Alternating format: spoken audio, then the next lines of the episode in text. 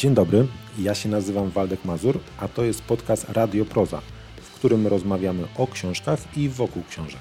Tym razem mamy dla Was specjalną serię rozmów, które powstały we współpracy z American Film Festivalem. Czytanie Ameryki, tak zatytułowaliśmy literacki cykl towarzyszący 14. edycji American Film Festivalu. Przez cztery listopadowe dni spotykaliśmy się w naszym klubie Proza, by przez pryzmat literatury spojrzeć na Stany Zjednoczone, ich historię, kulturę, politykę oraz, a jakże losy Polonii.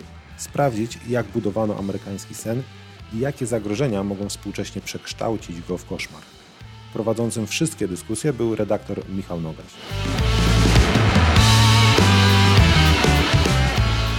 A w dzisiejszym odcinku zapraszamy do wysłuchania rozmowy z Piotrem Tarczyńskim, którego możecie kojarzyć między innymi z podcastu amerykańskiego i dopiero co wydanej książki Rozkład o niedemokracji w Ameryce. Udanego słuchania.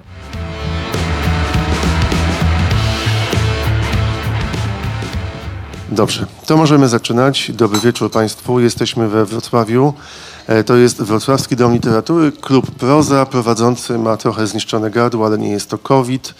E, Nasze spotkania odbywają się w ramach American Film Festivalu, który po raz 14 się odbywa we Wrocławiu. E, Hasłem, właściwie nazwą naszego cyklu jest Czytanie Ameryki i to jest dzisiaj ostatnie spotkanie w ramach tegorocznego cyklu. Wiem, że wiele osób na to spotkanie czekało od środy i zapowiadało, że będą i są faktycznie, więc chciałbym, abyśmy powitali gromkimi oklaskami, niech się cały świat dowie, który nas ogląda w transmisji, ile nas tu jest, Piotra Tarczyńskiego.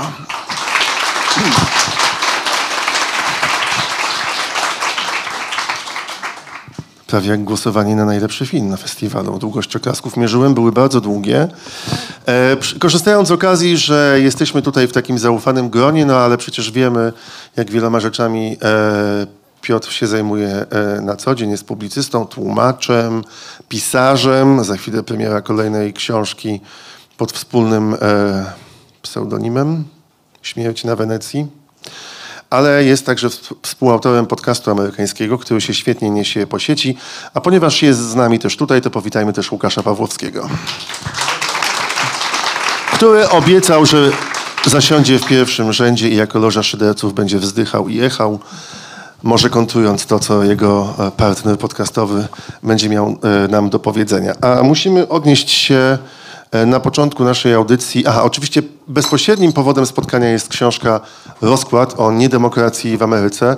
E, Ile osób spośród Państwa widziało film Against All Enemies na festiwalu? Kilka. E, Ja też widziałem jeszcze przed festiwalem. E, Mówię o tym dlatego, że jest tam też e, ten kadr, prawda, który jest na okładce. Ma związek z liter- z literaturą, może się do tego potem odniesiemy.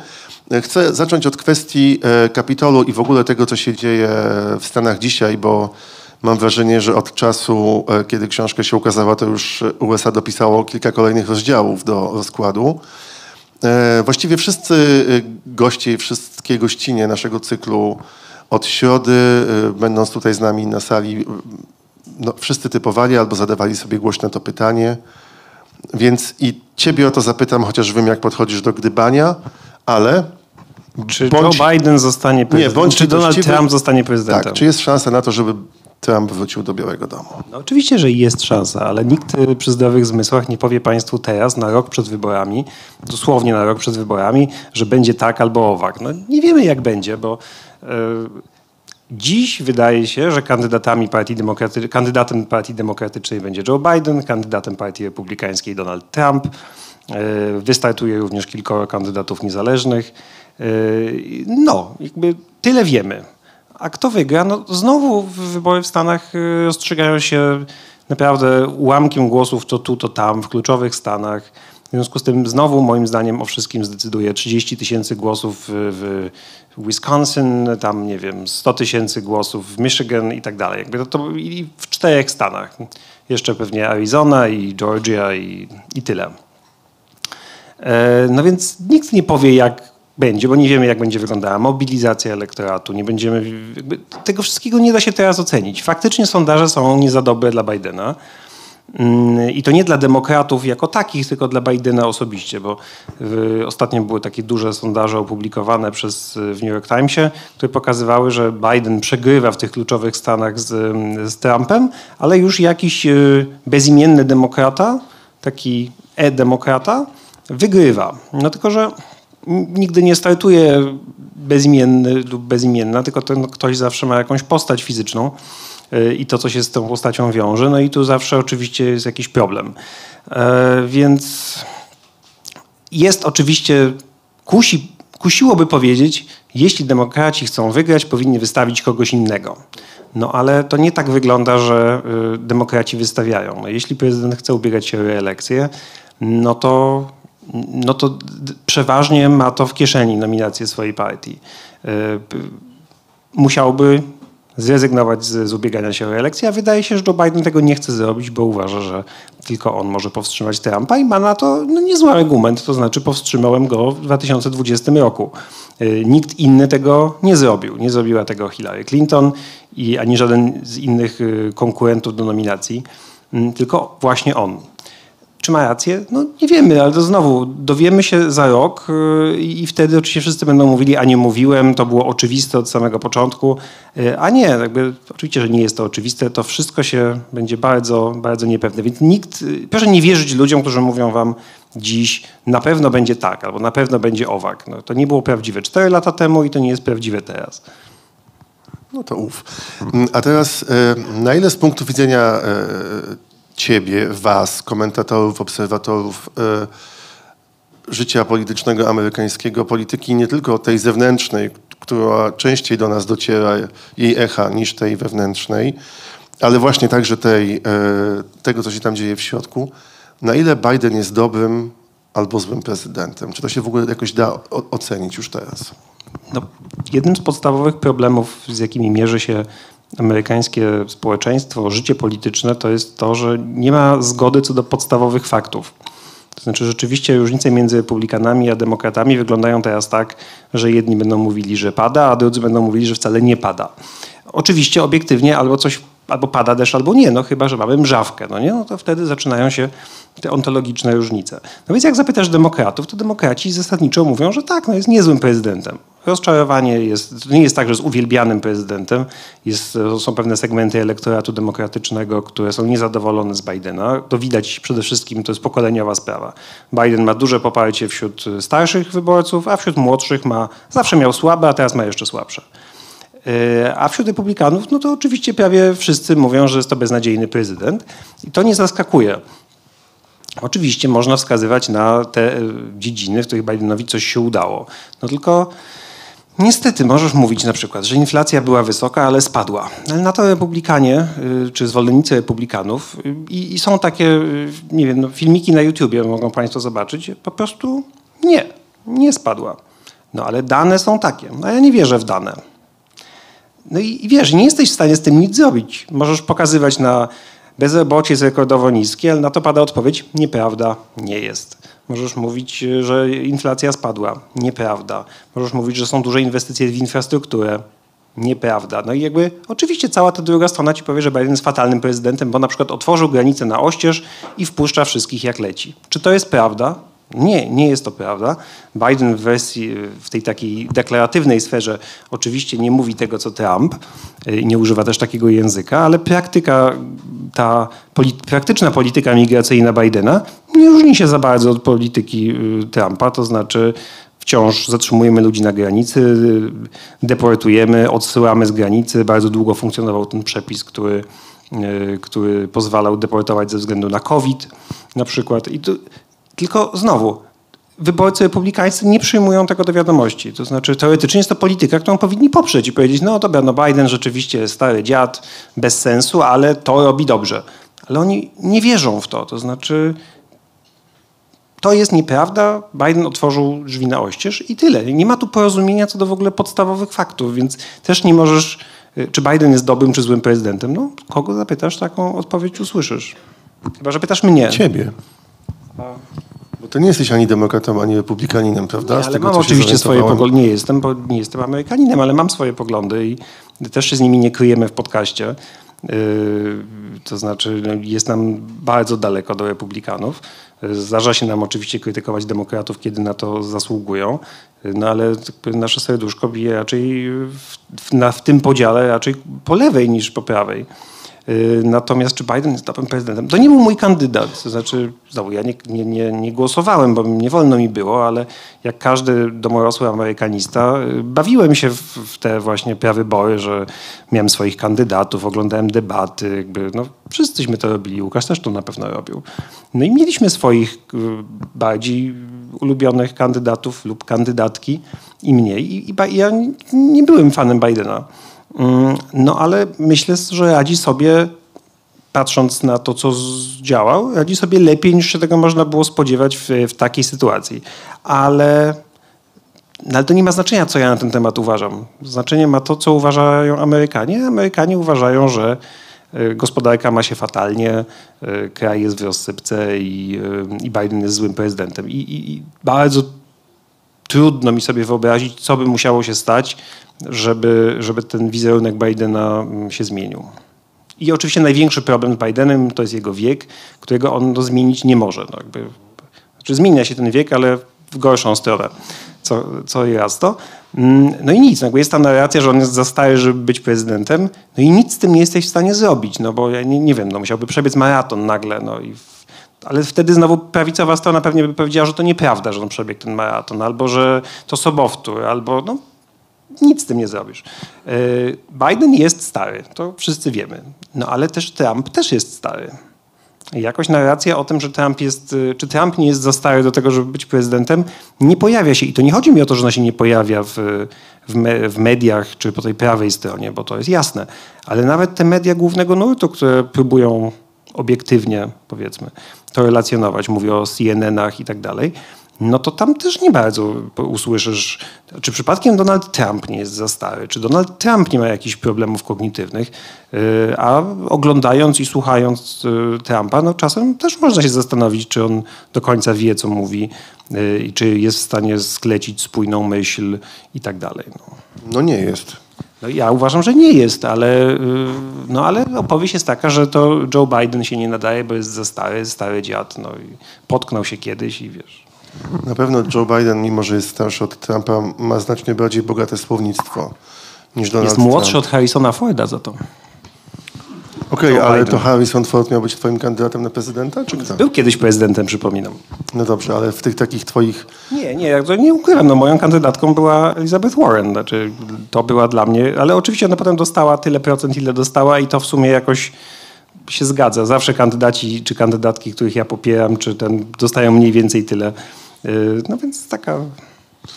Co oczywiście prowadzi do kolejnego pytania gdybanka. Czy w takim kraju jak Ameryka kobieta ma szansę zostać prezydentem? Nie, no oczywiście, że ma szansę zostać prezydentem. No, no i nie udało się Hillary Clinton, ale gdyby te 30... Ale zdobyła większość głosów, prawda? Gdyby te 30 tysięcy głosów tu i 10 tysięcy głosów tam poszło inaczej, to wszyscy byśmy mówili, że przeprowadziła znakomitą kampanię z trudnym, nieoczywistym przeciwnikiem, yy, odniosła historyczne zwycięstwo, została pierwszą prezydentką i tak dalej, i tak dalej.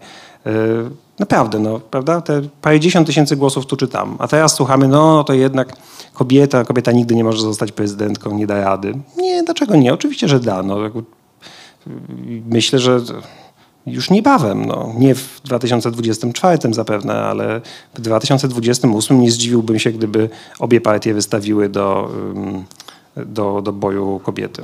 W tych rozmowach tutaj, które toczymy od e, środy, e, pojawiał się też taki wątek, który e, być może już was irytuje, ciebie, kiedy jesteście o to pytani albo o tym mówicie, ale bym prosił, żebyście wykazali się zrozumieniem, panowie. I Piotra poproszę o to, żeby raz jeszcze wyłożył w taki sposób zrozumiały dla wszystkich, czy to w ogóle jest możliwe w amerykańskiej demokracji, czy tym, czym ten system teraz jest, żeby na przykład Donald Trump został wybrany na prezydenta siedząc w więzieniu. To trzeba znowu pytać prawników. E, Zależy po której stronie, tak? No niestety trochę tak. To znaczy nie ma żadnego, o ile ja wiem, Ale jak, jeśli ktoś wie lepiej, bo na przykład zna się na amerykańskim prawie, to proszę mi poprawiać, ale nie ma przepisu, który nie pozwala kandydować na prezydenta osobie y, skazanej y, wyrokiem, chyba że jej odbiorą prawa wyborcze zarazem. Y, no ale tak, jest do pomyślenia sytuacja, w której Donald Trump wygrywa wybory prezydenckie, będąc skazanym. Czy on będzie siedział w więzieniu równocześnie, wcale nie jest takie oczywiste, bo, jak już powiedzieliśmy, nie jest on bardzo młody. W związku z tym wyobrażam sobie sytuację, w której on zostaje skazany, winnym, ale nie zostaje wysłany do więzienia, tylko ze względów no, takich, jak to się, to się nie nazywa, humanitarnych, Humanitarnych. może humanitarnych. Jakby nie dostaje wyroku w więzieniu, tylko dostaje wyrok w zawieszeniu, no, albo jakiś areszt domowy. To jest do pomyślenia, no bo to jest obiektywnie stary człowiek. No to więc, ale oczywiście praktycznie jakby to miało wyglądać, to ani ja nie wiem, ani nikt nie wie. To, znaczy, to była zupełnie terra incognita, w której wszyscy musieliby na bieżąco jakoś funkcjonować. No, on pewnie pierwsze, co by zrobił, to by się ułaskawił, ale z drugiej strony, gdyby był skazany z paragrafów stanowych, no to się nie może ułaskawić. Się może ułaskawić tylko za rzeczy skazane y, za wyroki federalne. Y, nie mam, nie wiem na tyle, nie znam na tyle dobrze prawa, żeby powiedzieć, jakby to miało wyglądać, ale czy jest to do pomyślenia? Tak, ponieważ różne rzeczy w amerykańskiej polityce, które jeszcze niedawno były nie do pomyślenia, teraz do pomyślenia są. A jeszcze niedawno, a teraz to jest jaki przedział czasowy? To znaczy, No tak y, od 2016, 15, no. To oczywiście nie jest tak i cała ta książka jest o tym, że amerykańska demokracja czy amerykańska polityka funkcjonowała świetnie, aż pojawił się Donald Trump i Jezus Maria, coś, co tu się stało? Wiadomo, że nie. Jakby opowiadamy o tym w podcaście, piszę o tym w książce, że ta degrengolada, by użyć tego słowa, to załamanie demokracji, te jakieś takie wewnętrzne błędy czy błędy konstrukcji systemu amerykańskiego wychodzą na jaw coraz bardziej, E, a Donald Trump tylko je y, wydobył, ale jak tylko mówię, zawsze to powtarzam, on jest symptomem, a nie przyczyną. On je wydobył, on je ujawnił, zaczął e, mówić niektóre rzeczy, których nie wolno było mówić. Znaczy, znaczy nie, nie wolno, no ale których nikt nie mówił. To była też część jego takiego, no, dzięki temu zdobył popularność. na przykład co? No różne rzeczy, wiesz, takie na temat e, rasy i imigrantów na przykład, prawda? No jednak partia republikańska za czasów e, George'a Busha e, juniora, czyli poprzedniego republikańskiego prezydenta, jednak miała taki e, plan, żeby tych wyborców latynoskich przyciągać na swoją stronę i jakby był plan reformy migracyjnej i tak dalej, i tak dalej. A potem przychodzi Trump i mówi, że Meksyk wysyła nam e, gwałcicieli i morderców mm, i że trzeba się od nich odgrodzić murem, za który oni zapłacą. Mm, Oczywiście nie zapłacili, mur zaczął powstawać, teraz Biden go kończy. Y, To akurat jest y, sukces Trumpa, no, w takim sensie, że on nadał, y, nawet jeśli nie retorycznie, y, wiesz, mm, nawet jeśli ta retoryka nie jest stosowana dalej przez y, Bidena, no to praktycznie robi, robi to samo. Ale, ale faktycznie te, te różne problemy z demokracją amerykańską widoczne były wcześniej, tylko trzeba było uważniej patrzeć, a od 2015 już y, każdy zaczyna je widzieć co, coraz bardziej i one są już na widoku i ślepy by nie zauważył tylko. No? Nawet by zauważył, tak się mówi. Co pozwoli nam e, wrócić do początków, czyli do książki, która nas tutaj spotkała i zadać pytanie kluczowe, nad którym ty się pochylasz e, w rozkładzie. E, Czy w ogóle można powiedzieć, że Ameryka kiedykolwiek była demokracją? Cały rozdział jest o tym. Ale mm, odsyłam Państwa, ale tak skracając, zależy kogo, Książki można kupić tam. zależy kogo zapytasz. No. Y, Jeśli przyjmiemy rozumienie demokracji y, takie duch demokratyczny tak, to znaczy, że większość decyduje. Clue, to było zawsze. Clue polega na tym, że y, co to jest większość i kto może głosować. Mm, I to, jak wiemy, na przestrzeni lat w Stanach bardzo różnie wyglądało.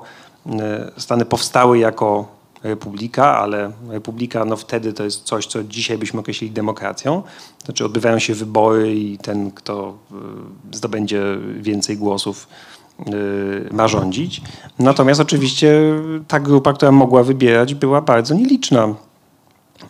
tylko biali, tylko mężczyźni, tylko obdarzeni pewnym majątkiem. No i potem jakby w miarę rozwoju kraju następowała demokratyzacja tego procesu, znaczy poszerzano prawa obywatelskie na kolejne grupy.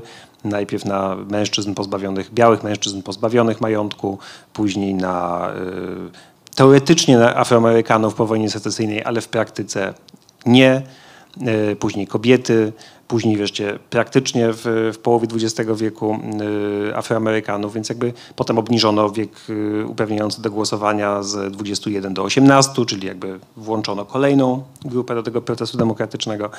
Y, No więc tak, widzimy pewną demokratyzację, jakby nawet zasadniczą, ale faktycznie od pewnego czasu są próby od, nie tylko zatrzymania, ale może nawet odwrócenia tego. Znaczy to, co robią republikanie w wielu stanach, jak próbują manipulować procesem wyborczym. Nie chodzi o to, że dosypują głosy czy coś, tylko znowu chodzi o to, kto może głosować, a kto nie. Komu będzie łatwiej głosować, a komu będzie trudniej. Yy, No i to są oczywiście rzeczy wzięte z takiej, no z XIX wieku, no, tylko że troszkę uwspółcześnione, ale koncepcja jest ta sama. Tutaj się często stan Georgia pojawia jako przykład. Co tam się dzieje? Nie, nie pamiętam dokładnie, co się dzieje w Georgii, a co się dzieje w Mississippi, a co się dzieje w Luizjanie, bo tak jakby w tych stanach y, one są, te rzeczy są do siebie podobne, ale różnią się szczegółami. To jaki to jest model postępowania? ale chodzi o to, że na przykład y, chcesz głosować, jasne, idziesz do lokalu wyborczego i, i musisz się wylegitymować. I teraz pytanie, czym się możesz wylegitymować? Amerykanie nie mają dowodu osobistego, mają prawo jazdy, no ale też znowu nie wszyscy mają prawo jazdy, y, nie wszystkich stać na prawo jazdy. No i jaką dokumentem możesz się y, wylegitymować? No i na przykład są takie stany, w których nie możesz się wylegitymować legitymacją studencką, bo ona jest niedobra, ale legitymacja myśliwska dobra. No i jakby co to, co to oznacza? Że jeśli jesteś studentem, a studenci, młodzi ludzie głosują raczej na demokratów niż na republikanów, no to nie zagłosujesz, albo ci będzie trudniej zagłosować. A jak y, jesteś członkiem klubu myśliwskiego, czyli raczej pewnie głosujesz na republikanów, głosować ci będzie łatwiej. Albo jakie jest rozmieszczenie lokali wyborczych w dzielnicach w centrach miast, w których mieszkają głównie Afroamerykanie. Robimy tych lokali nie za dużo, żeby kolejki były długie, żeby człowiek w pewnym momencie machnął ręką i po trzech godzinach stania w słońcu powiedział, a pieprze nie idę. Y, A w terenach podmiejskich, gdzie mieszkają, y, gdzie mieszka klasa średnia, y, robimy tak, żeby głosowanie było lekkie, łatwe i przyjemne. Y, Oczywiście to czasem uwalają sądy, ale jakby to, to, to jest nieustanny proces. To znaczy republikanie wychodzą z jakimś takim pomysłem i na sześć takich pomysłów, wiesz, trzy zostaną przyjęte, trzy zostaną uwalone przez sąd, potem ktoś zostanie zmobilizowany. Ale to jest nieustanne takie przeciąganie linii. Róbmy tak, żeby trudniej było głosować tym, którzy przypuszczalnie nie będą na nas, republikanów, głosować. No, czyli młodych Trochę opowieści o wyborach w. Polsce ostatnich i o tym, jak rząd PiSu działał, żeby Głosy za granicą, no nie? na wsi, prawda? z Albo żeby głosy za granicą. tak. No jakby to jest y, ten, tak, tak, to jest ten podręcznik mniej więcej. Tylko znacznie lepszy, znacznie, y, wiesz, jednak z ponad 100 lat doświadczenia, to, to, to, to inaczej jednak y, operuje już wtedy. No tak, dobrze, że u nas to nie trwało 100 lat, ale chcę powiedzieć, że e, chociaż jest o tym cały rozdział, to jeszcze e, będę cię tutaj ciągnął za język, żebyś wyjaśnił to tym, którzy jeszcze nie czytali książki albo być może się nie orientują w tym. E, nawet ja, jako politolog z wykształcenia, osoba, która zdawała kartkówki na studiach z Konstytucji Amerykańskiej i tych wszystkich praw stanowych, czasem się w tym gubię po latach. Bo... Ja też się gubię, no. No ale ty zawsze możesz na Łukasza liczyć, a my niekoniecznie. E, chodzi, znaczy możemy na was liczyć w podcaście, ale tak. Natomiast chodzi o to, że złożoność tego systemu wyborczego na przykład, to jest coś, No bo masz nie jeden system wyborczy, tylko masz 50 systemów No wyborczych, czy 50, ponad 50, bo jeszcze Dystrykt Kolumbii, a jeszcze tam wyspa Guam, a jeszcze Puerto Rico i tak dalej. Ale tak, no masz każdy stanowy system wyborczy. Wybory w Stanach są zawiadywane przez Stany, a nie przez jakąś federalną, czy jest federalna komisja wyborcza, ale ona się zajmuje zupełnie czymś innym. Ale nie, nie masz, y, no nie masz państwowej komisji wyborczej, która rozsyła wszystkim wzory kart do głosowania i, i, no i tym rządzi. No to każdy stan robi po swojemu, każdy stan może to robić po swojemu, tak głosi konstytucja. No i oczywiście y, dlatego masz 50 różnych y, systemów i dlatego y, połapać się w tym jest y, bardzo, bardzo trudno. tak, ale dążę do tego, że dla wielu osób niezrozumiały, szczęśliwie nie mieszkają w Ameryce, ale jest system głosów elektorskich i prawda tego, że o tym mówiono dużo przy okazji porażki Hillary Clinton, A wcześniej Alagora. tak, który się w końcu poddał, bo właściwie mogliby to liczyć i liczyć na Florydzie, ale też Donald Trump przekonywał, że wygrał i głosowanie powszechne i w kolegium elektorskim, no, że to nie jest chyba do końca e, równe. W ogóle nie jest równe, ale też powstało jako. Nigdy nie miało być równe. Ale dopóki system elektorski nie produkował wyników rozbieżnych z głosowaniem powszechnym, no to właściwie się tym nie przejmowano. Był taki y, moment, y, w, bo, bo wcześniej takich y, wyborów, w których osoba zdobywa mniejszość w głosowaniu powszechnym, ale wygrywa w kolegium elektorskim, było niewiele, chyba w XIX wieku dwa razy się wydarzyło. E, A potem już przez cały XX wiek był spokój. No więc jakby skoro nie ma tego, ten glitch się nie ujawnia, no to nie będziemy tego naprawiać.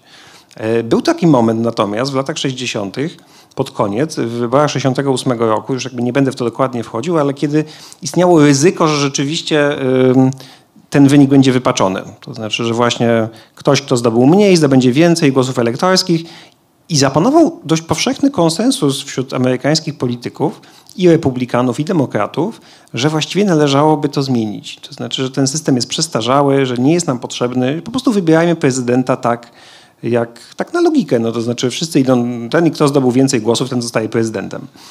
I o tym się oczywiście teraz nie pamięta. Znaczy, Mam wrażenie, że w Stanach też nikt nie chce o tym pamiętać.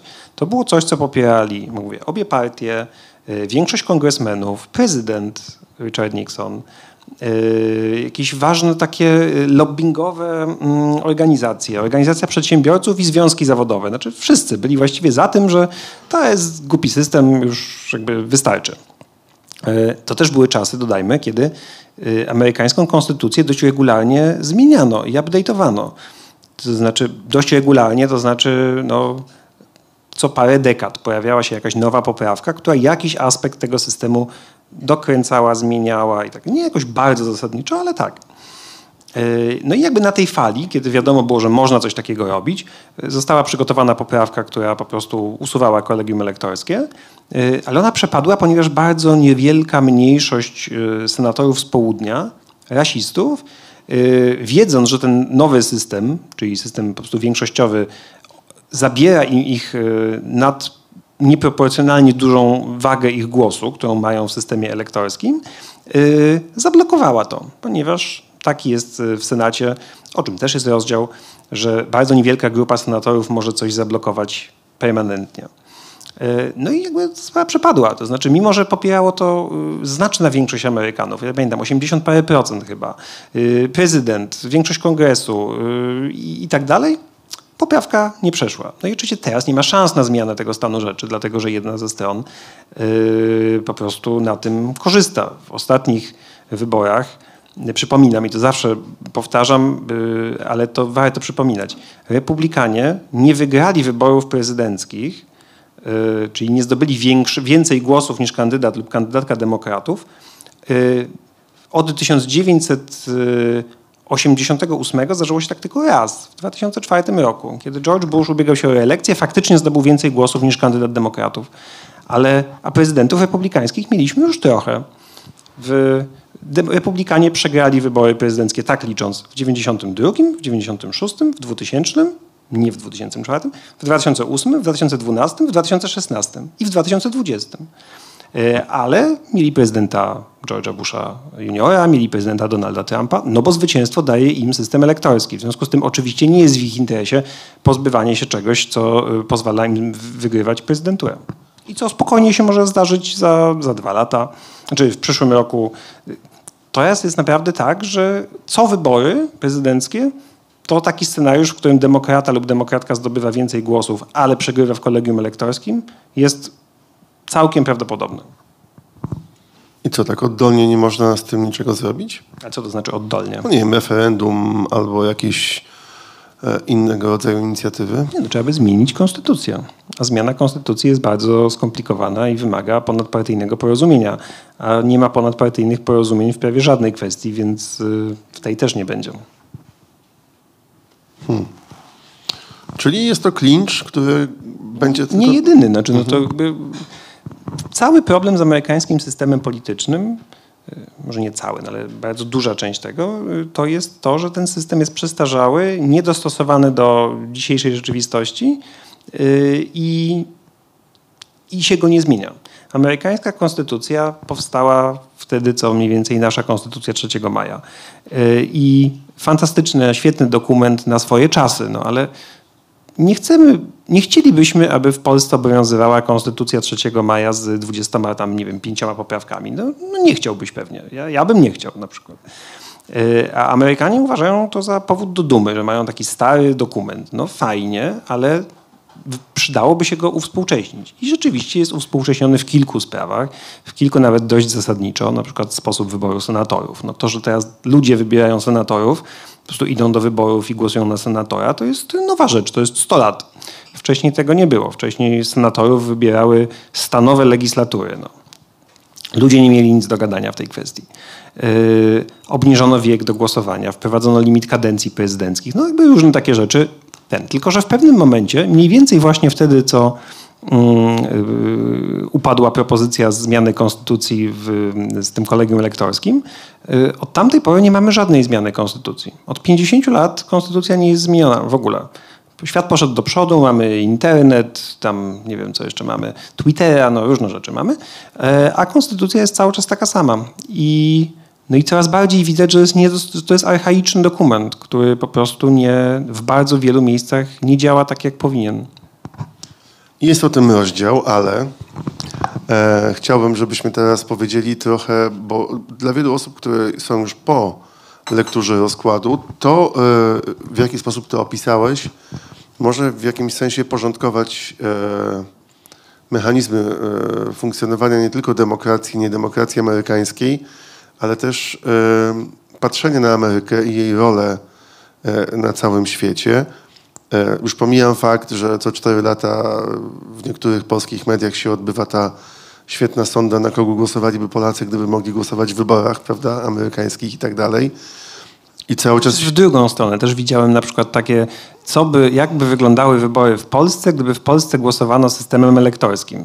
Więc jakiś jest postęp, nie tylko jakby w tę stronę robimy symulację, ale też w tę. To na drugą nóżkę Ewa Winnicka opowiadała, że na e, demonstracjach e, nacjonalistycznych w Wielkiej Brytanii coraz większa jest grupa Polaków, którzy chodzą z hasłami Anglia dla Polaków i Anglików.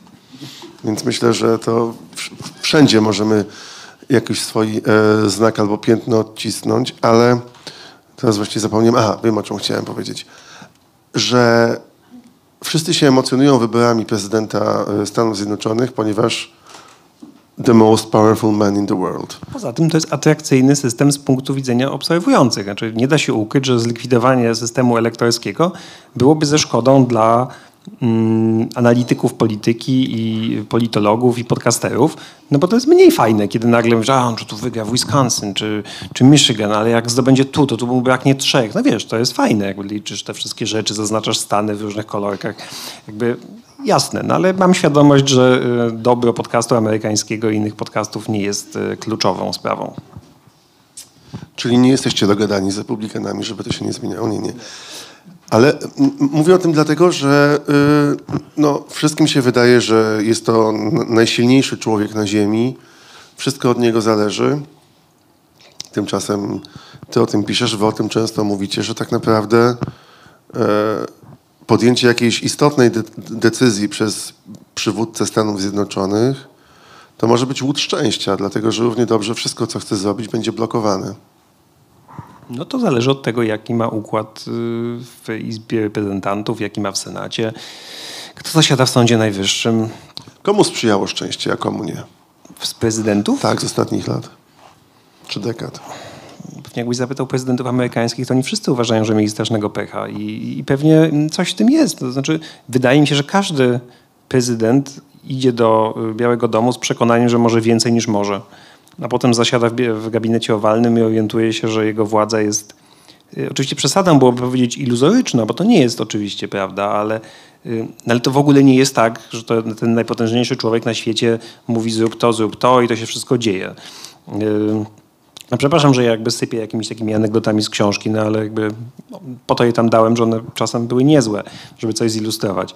Ale y, jest taka anegdota o tym, że mm, po Trumanie do Białego Domu wprowadził się Eisenhower, y, po demokracie republikanin. Eisenhower generał, y, były dowódca NATO, były dowódca wojsk amerykańskich w Europie, no przyzwyczajony jednak do tego, że wydaje rozkaz i rzeczy się dzieją. No i Truman, który nie przepadał za Eisenhowerem, powiedział, no biedny Ike, przyjdzie tutaj, siądzie przy tym biurku i będzie mówił właśnie zróbcie to, zróbcie tamto i nic się nie będzie działo. I jego to będzie strasznie frustrować, powiedział z ewidentnym Schadenfreude.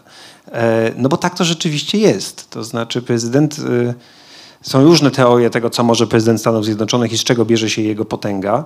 E, Potęga, czy siła, czy możliwości. No i jedna z takich teorii mówi, że siła prezydenta to jest siła przekonywania, że prezydent ma ten autorytet i może przekonywać różnych ludzi, różnych uczestników polityki do tego, żeby robili to, co on chce.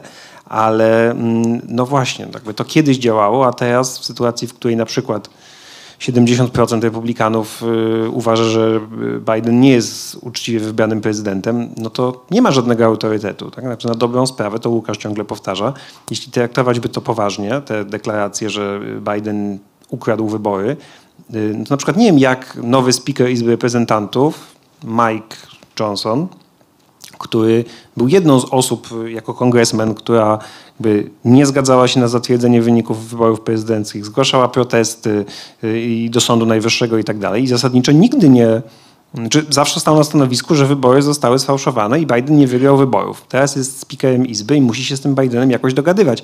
Ale jeśli traktować poważnie to, co robił wcześniej, no to ja nie wiem, jak on powinien, jak się może z nim dogadywać. No to tak jakbyś się dogadywał z, z, ze Stalinem, nie? Jakby, zresztą to jest jedna z rzeczy w, w, tym filmie Against All Enemies.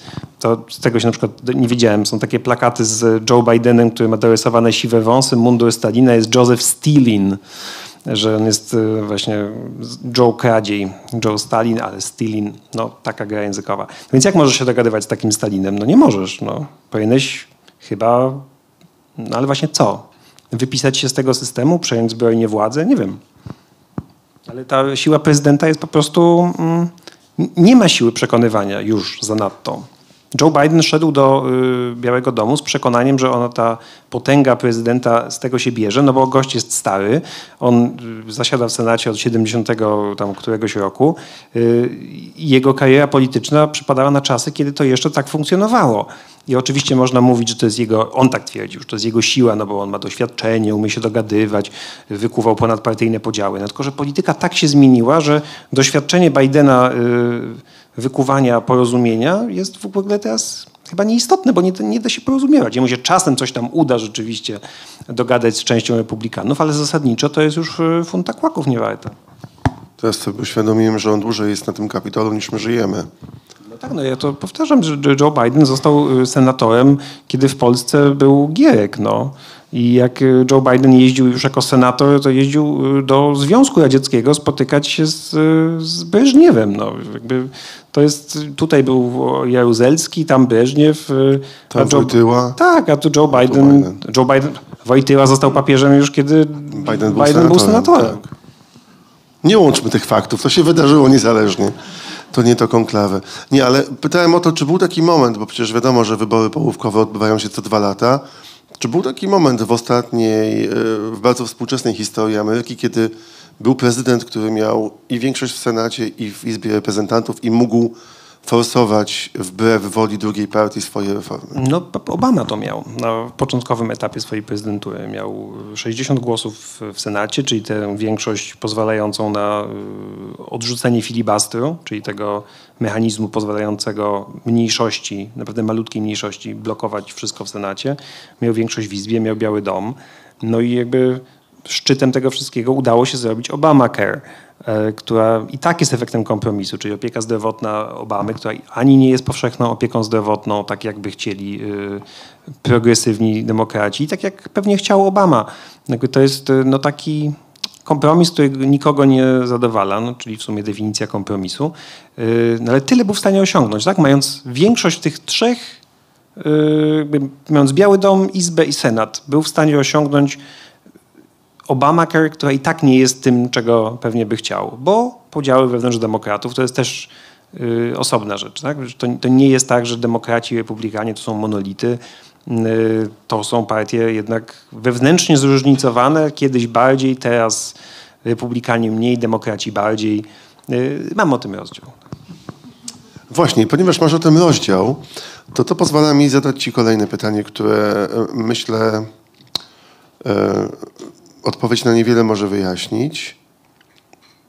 Co i od kiedy zaczęło się wydarzać w łonie partii republikańskiej, że oni tak, mówiąc e, kolokwialnie, oszaleli? Wiem, do czego ty zmierzasz. Chcesz, żebym powiedział, że mam o tym rozdział, ale nie powiem. E, no, chociaż mam.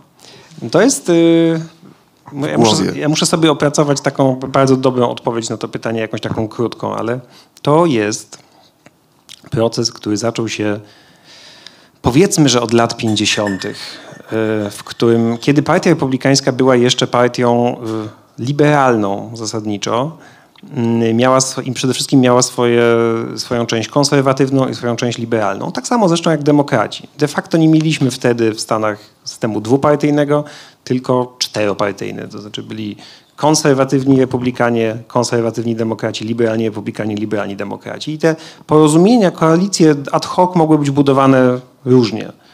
E, ale z różnych powodów, których jakby tutaj już y, nie będę teraz streszczał, y, partia republikańska zaczęła być coraz bardziej konserwatywna i tych liberałów było coraz mniej, do tego stopnia, że teraz właściwie już po prostu ich nie ma, a partia demokratyczna zaczęła być coraz bardziej liberalna i wypychać konserwatystów, których jest wciąż jeszcze trochę, ale bardzo niedużo. Y, nastąpiło tak zwane przyporządkowanie. Y, Było tak, że niektórzy z demokratów przeszli do... Oczywiście, tak? Mhm. oczywiście byli tacy Czyli demokraci, zwłaszcza południowi jest. demokraci, którzy po prostu powiedzieli, no nie, nie, partia demokratyczna to już nie jest moja partia demokratyczna, to zapisuje się do republikanów. Oczywiście twierdząc przy tym, że oni nie zmienili poglądów ani o jotę, y, to partia demokratyczna się zmieniła i jakby ich opuściła. I jakby jest to jest tym dużo prawdy. No, tak na przykład twierdził Ronald Reagan, który był kiedyś demokratą, a potem został republikaninem. E, a i w partii republikańskiej zaczął taki, taki proces następować, mm, który miał co najmniej cztery odsłony, może więcej, zależy jak liczyć, że był sobie mainstream partii republikańskiej i on był no, jak to mainstream, to znaczy taki zachowawczy, e, zainteresowany utrzymaniem władzy w partii, rządzeniem i tak dalej. I pojawiała się jakaś radykalna wówczas na, zawsze po prawej stronie grupka y, konserwatystów, którzy byli głośni, ale byli tacy bitni i mieli w sobie energię, której brakowało tym umiarkowanym powiedzmy, no bo tak często bywa, że umiarkowanym trochę brakuje energii, a radykałowie są raczej tacy bardziej hop do przodu. Mm, no i ten mainstream myślał sobie, a no to oni są tacy, to spróbujmy się nimi posłużyć, zmobilizujemy trochę ludzi, dokooptujemy ich, ale wykorzystamy tych radykałów ku własnej korzyści. No, efekt był taki, że ani się spostrzegli, a ci radykałowie przejmowali od nich partię, zostawali znowu mainstreamem i za jakiś czas powtarzał się ten proces. Znowu pojawił się ktoś na prawej stronie. Ten mainstream, który kiedyś był radykałami, ale już okrzepł, myślał, no to zrobimy tak, że... No i wiecie Państwo, no i tak jakby coraz bardziej to przechodziło na w, w prawą stronę i za naszego życia te, te rzeczy się wydarzyły co najmniej trzy razy. Znaczy w, w czasach tak zwana rewolucja mm, Newta Gingricha w, był taki speaker Izby Reprezentantów, z Georgii zresztą, e, który zdobył, pomógł, dzięki niemu republikanie zdobyli większość w Izbie, no to właśnie to było to samo. Gość, który był nawet y, kiedyś był umiarkowany, zaczął być takim... Takim właśnie krzykaczem, zyskał popularność, mainstream pomyślał, no jakby coś z tego będzie, dajmy panu Newtowi, niech on się tutaj wykaże. Pan Newt się wykazał, pomógł zdobyć większość, został speakerem Izby, ale przesunął całą partię na prawo. No i później miałeś e, Sarah Palin i cały ten ruch, który e, wykonał na przykład McCain, no to jest jakby wielka wina Johna McCaina, który zdawał sobie z tego sprawę, y, ale, ale no tak, no przynajmniej tyle. I nawet to powiedział. John McCain, czyli przedstawiciel tej partii, e, powiedzmy takiej zdroworozsądkowej partii republikańskiej. Nawet jeśli za młodu też był uważany za raczej prawicowego republikanina niż centrowego. No ale na tle tej... Wziął ją na kandydatkę na wiceprezydenta. Wziął na kandydatkę na wiceprezydenta Sarah Palin, gubernatorkę Alaski, która reprezentowała sobą no, to właśnie najbardziej wówczas radykalne, skrajne skrzydło. Mimo, że tak, to jest jedno, a po drugie była dramatycznie niekompetentna. E, ale żeby obłaskawić tę prawicę, została wzięta Sarah Palin. E, wybory na szczęście przegrał. Sarah Palin nie została wiceprezydentką, no ale to był ogromny boost dla tej skrajnej prawicy, wówczas skrajnej prawicy, e, który dał jej legitymizację i, i wciągnął ją do mainstreamu. No tylko, że znowu, ani się McCain obejrzał, a ten mainstream zaczął wyglądać inaczej niż za jego czasów. No i Donald, bardzo prosta linia od Sarah Palin do Donalda Trumpa. I wszyscy republikańscy politycy są winni. To znaczy wszyscy ci, którzy teraz yy, załamują ręce i mówią, że to już nie jest partia republikańska, yy, w której kiedyś działałem i to tak nie może wyglądać i, i to jest straszne, co się stało z partią republikańską, to są wszystko ludzie, którzy na jakimś etapie godzili się na obłaskawianie radykałów, sami z nimi współpracowali. Naprawdę wszyscy, i Mitt Romney, i Liz Cheney, którzy teraz są w ogóle wyklęci w partii republikańskiej. To są wszystko ludzie, którzy mają, są współwinni. Teraz wykonam e, próbę tego gestu rączką, który ty robiłeś. To tam teraz najbardziej na radykalnych pozycjach kto jest w partii republikańskiej? Spodziewając się, że niedługo będzie w mainstreamie. No i to takim znakomitym przykładem jest Marjorie Taylor Greene. To jest kongresmenka z Georgii. E, świeża, bo ona, nie wiem, drugą kadencję chyba jest dopiero. I, I ona zaczęła jako pierwsza kongresmenka wierząca w QAnon, czyli w tę taką najbardziej szajbowną teorię, że wiecie Państwo, demokraci to pedofile sataniści, którzy porywają dzieci, żeby przerobić je na... No ich szaman siedział na fotelu, prawda? Tak, tam tak, tak, tak. No, że tam, po, po, żeby pozyskać z ich szyszynek coś tam, no, kompletne szaleństwo, pod, podlane takim antysemickim sosem. E, kompletne szaleństwo. No i, e, i wtedy, kiedy ona wchodziła do Izby Reprezentantów, no to wszyscy, nawet wśród republikanów, załamywali ręce i mówili, no, że to no nie, no ale to to już jest przesada.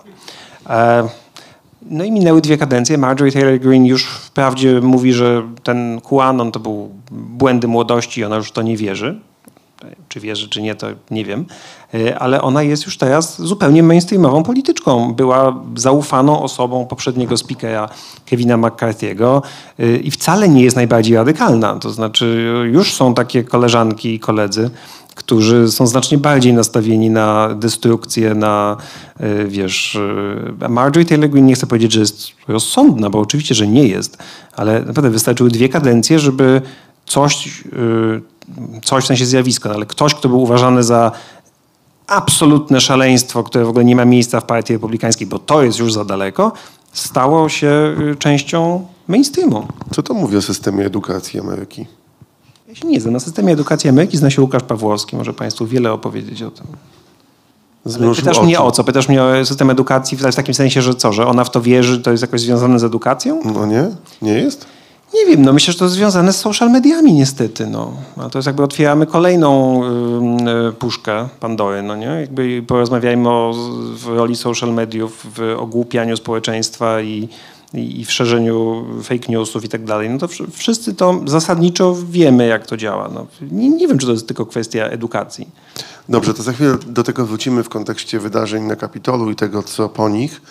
Ale teraz... Yy z drugiej strony, jak wygląda kondycja Partii Demokratycznej?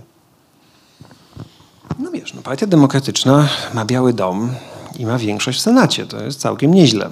E, ale Partia Demokratyczna jest e, znacznie bardziej e, zróżnicowana wewnętrznie niż Partia Republikańska. I z tego bierze się zarówno jej siła, jak i jej słabość. No bo tam jest, są różne grupy y, elektoratu, których y, oczekiwania trzeba jakoś godzić. I to jest oczywiście fajne, bo to wymusza kompromis, wymusza negocjacje, wymusza jakiś no, ferment intelektualny, powiedzmy. No, a z drugiej strony łatwo się pokłócić. Łatwo y, dojść do jakichś, no właśnie, no pożeć się po prostu. I jak jak się patrzy na partię demokratyczną, to mimo wszystko jakby radzą sobie lepiej niż można się by było tego spodziewać. No bo w jednej partii, w partii demokratycznej mamy Joe'ego Bidena i Aleksandrii Ocasio-Cortez, no, czyli człowieka, który w Polsce byłby w jakiejś, no, jakiejś platformie i, i członkinię razem niewątpliwie, nie? Jakby coś, coś w tym stylu. Ta koalicja jest bardzo szeroka. Plus do tego dochodzą nie tylko podziały ideologiczne, ale też podziały geograficzne, wiekowe. Jakby no, masz y, cały segment wyborców afroamerykańskich, wyborców niebiałych. No jakby no, Partia Demokratyczna znacznie bardziej, jak mówię, jest zróżnicowana. Mm, I na razie się to wszystko trzyma, bo no, ma Biały Dom, ma, ma prezydenta, rządzi nawet jeśli nie ma pełni władzy w, w, kongresie. No ale jeśli Partia Demokratyczna przegra przyszłoroczne wybory, y, a umówmy się, przegraną na, y, przegrana w Senacie jest bardzo prawdopodobna, no bo mają przewagę jednego głosu. W związku z tym tam w tym przyszłym roku w wyborach w Senacie musieliby obronić wszystkie miejsca, w których, y, w których bo, bo Senat co, wybiera się, co dwa lata wybiera się jedną trzecią składu, nie cały Senat. Więc w przyszłym roku po prostu ta mapa jest dość niekorzystna dla demokratów. Musiałoby im pójść bardzo dobrze. Z drugiej strony w 2020 też i w 2022 też, jakby mówiło się, no ta mapa nie jest dobra, a demokratom się udało. No więc znowu się to może powtórzyć, znowu będziemy mieli Senat 50-50 powiedzmy, czy 51-49. Ale jeśli stracą Senat, co jak mówię jest możliwe bardzo, nie odzyskają większości w Izbie Reprezentantów i przegrają wybory prezydenckie, bo Joe Biden przegra albo ktoś przegra, no to tam zacznie się y, ruchawka, no. zacznie się, wiesz, y, walki między, walki frakcyjne, które już wychodzą przy okazji różnych rzeczy. No teraz na przykład nie tyle frakcyjne, ale jakby walki ideologiczne, które wychodzą przy różnych sprawach, teraz na przykład przy okazji polityki międzynarodowej. No dobrze, a czy mówimy o tym, że e, Joe Biden dla wielu osób jest za stary, żeby dalej sprawować władzę? Trump jest od niego kilka lat młodszy, ale też jest przecież już mężczyzną mocno po tym okresie bycia w sile wieku. Czy widać po obu stronach tego sporu sceny politycznej kandydatów na potencjalnych spadkobierców liderów, czy nie? Czy to jest zbyt e, od środka rozwalone w tej chwili? Nie, no ja widzę i mnóstwo ludzi widzi różnych polityków, którzy i, i po prawej, i po lewej stronie, którzy, którzy spokojnie mogliby wystartować w wyścigu o prezydenturę, tylko rzeczywiście musiałoby nie być Trumpa. U republikanów jest taka teraz paradoksalna sytuacja, że właściwie trwają prawybory republikańskie, w których i debaty te republikańskie, w których Trump nie bierze udziału, bo nie musi, bo ma przewagę tam kilkudziesięciu punktów procentowych nad pozostałymi, ale w związku z tym odbywają się debaty bez Trumpa. Więc są ci wszyscy jakby spadkobiercy Trumpa, którzy tak się rozmawiają ze sobą, tak jakby tego Trumpa już nie było, no ale on jest i to on będzie nominatem, nie oni, więc oni trochę de facto się rozmawiają, to jest to debata, która dotyczy wyborów 2028 roku, mam wrażenie, tylko ona odbywa się teraz. E, no i tam w tym, w, w tym gronie no jest kilka osób takich, które no, oni wszyscy mają ambicje prezydenckie u republikanów, a jeszcze to grono jest znacznie, znacznie szersze. No jest Nikki Haley na przykład, to jest e, obecnie mm, wiodąca kandydatka republikanów, nie licząc Trumpa. Y, która jest y, no w każdej normalnej sytuacji, gdyby nie było Trumpa, no to ona jest y, naprawdę bardzo dobrym wyborem dla republikanów. Kobieta, migranckiego pochodzenia, elokwentna, z doświadczeniem jako gubernatorka i jako ambasadorka przy ONZ, mówiąca, potrafiąca przemawiać, potrafiąca się wykazać empatią, a równocześnie jednak jakby niewątpliwie konserwatywna. No tylko, że ona nie będzie prezydentką teraz, bo teraz, y, ani kandydatką tej partii, bo kandydatem będzie Donald Trump. Y, ale jakby ten, oni czekają na świat po Trumpie, na świat, na partię republikańską po Trumpie. No tak, ale oglądałem tę jedną z tych debat, właściwie dwie chyba, bo trzy już były, prawda? Brawo, ja nie, nie zdzierżyłem, żeby wszystko... E, I jest ona, która się wydaje być taka naprawdę rozsądna i też... Znaczy, ja na nią nie zagłosował, no, ale na tle tego, co tam się dzieje, no to Tak, jasne, mówimy tak. o tym, co się dzieje tam w tym Situation Room. A z drugiej strony jest tam ktoś taki jak pan Wiwek, no i ręce opadają jak tego Pan Wiwek jest Trumpem. Pan Wiwek jest młodszym Trumpem, który gra dokładnie kartą, który próbuje odgrywać Donald, młodszego po... Donalda Trumpa, Ramaswamy. A, Ramaswamy. Wiwek Ramaswamy, który próbuje odgrywać Trumpa.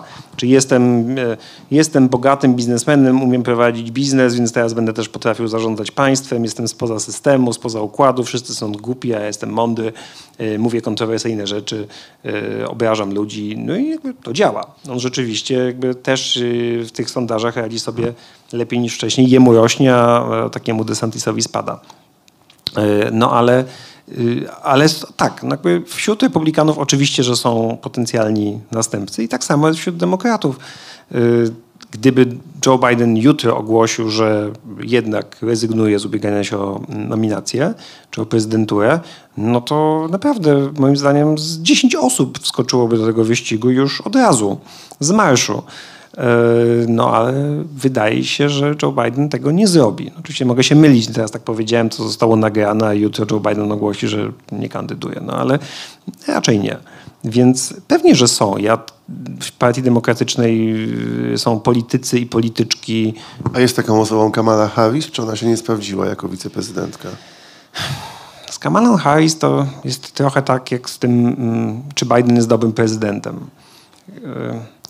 Kamala Harris jest źle oceniana, tak wszyscy wiemy. Ma, ma złe sondaże, że jest złą wiceprezydentką. Ale co to tak naprawdę znaczy, że ktoś jest złym wiceprezydentem? To jest kolejny, z, kolejny element amerykańskiego systemu, który jest źle pomyślany.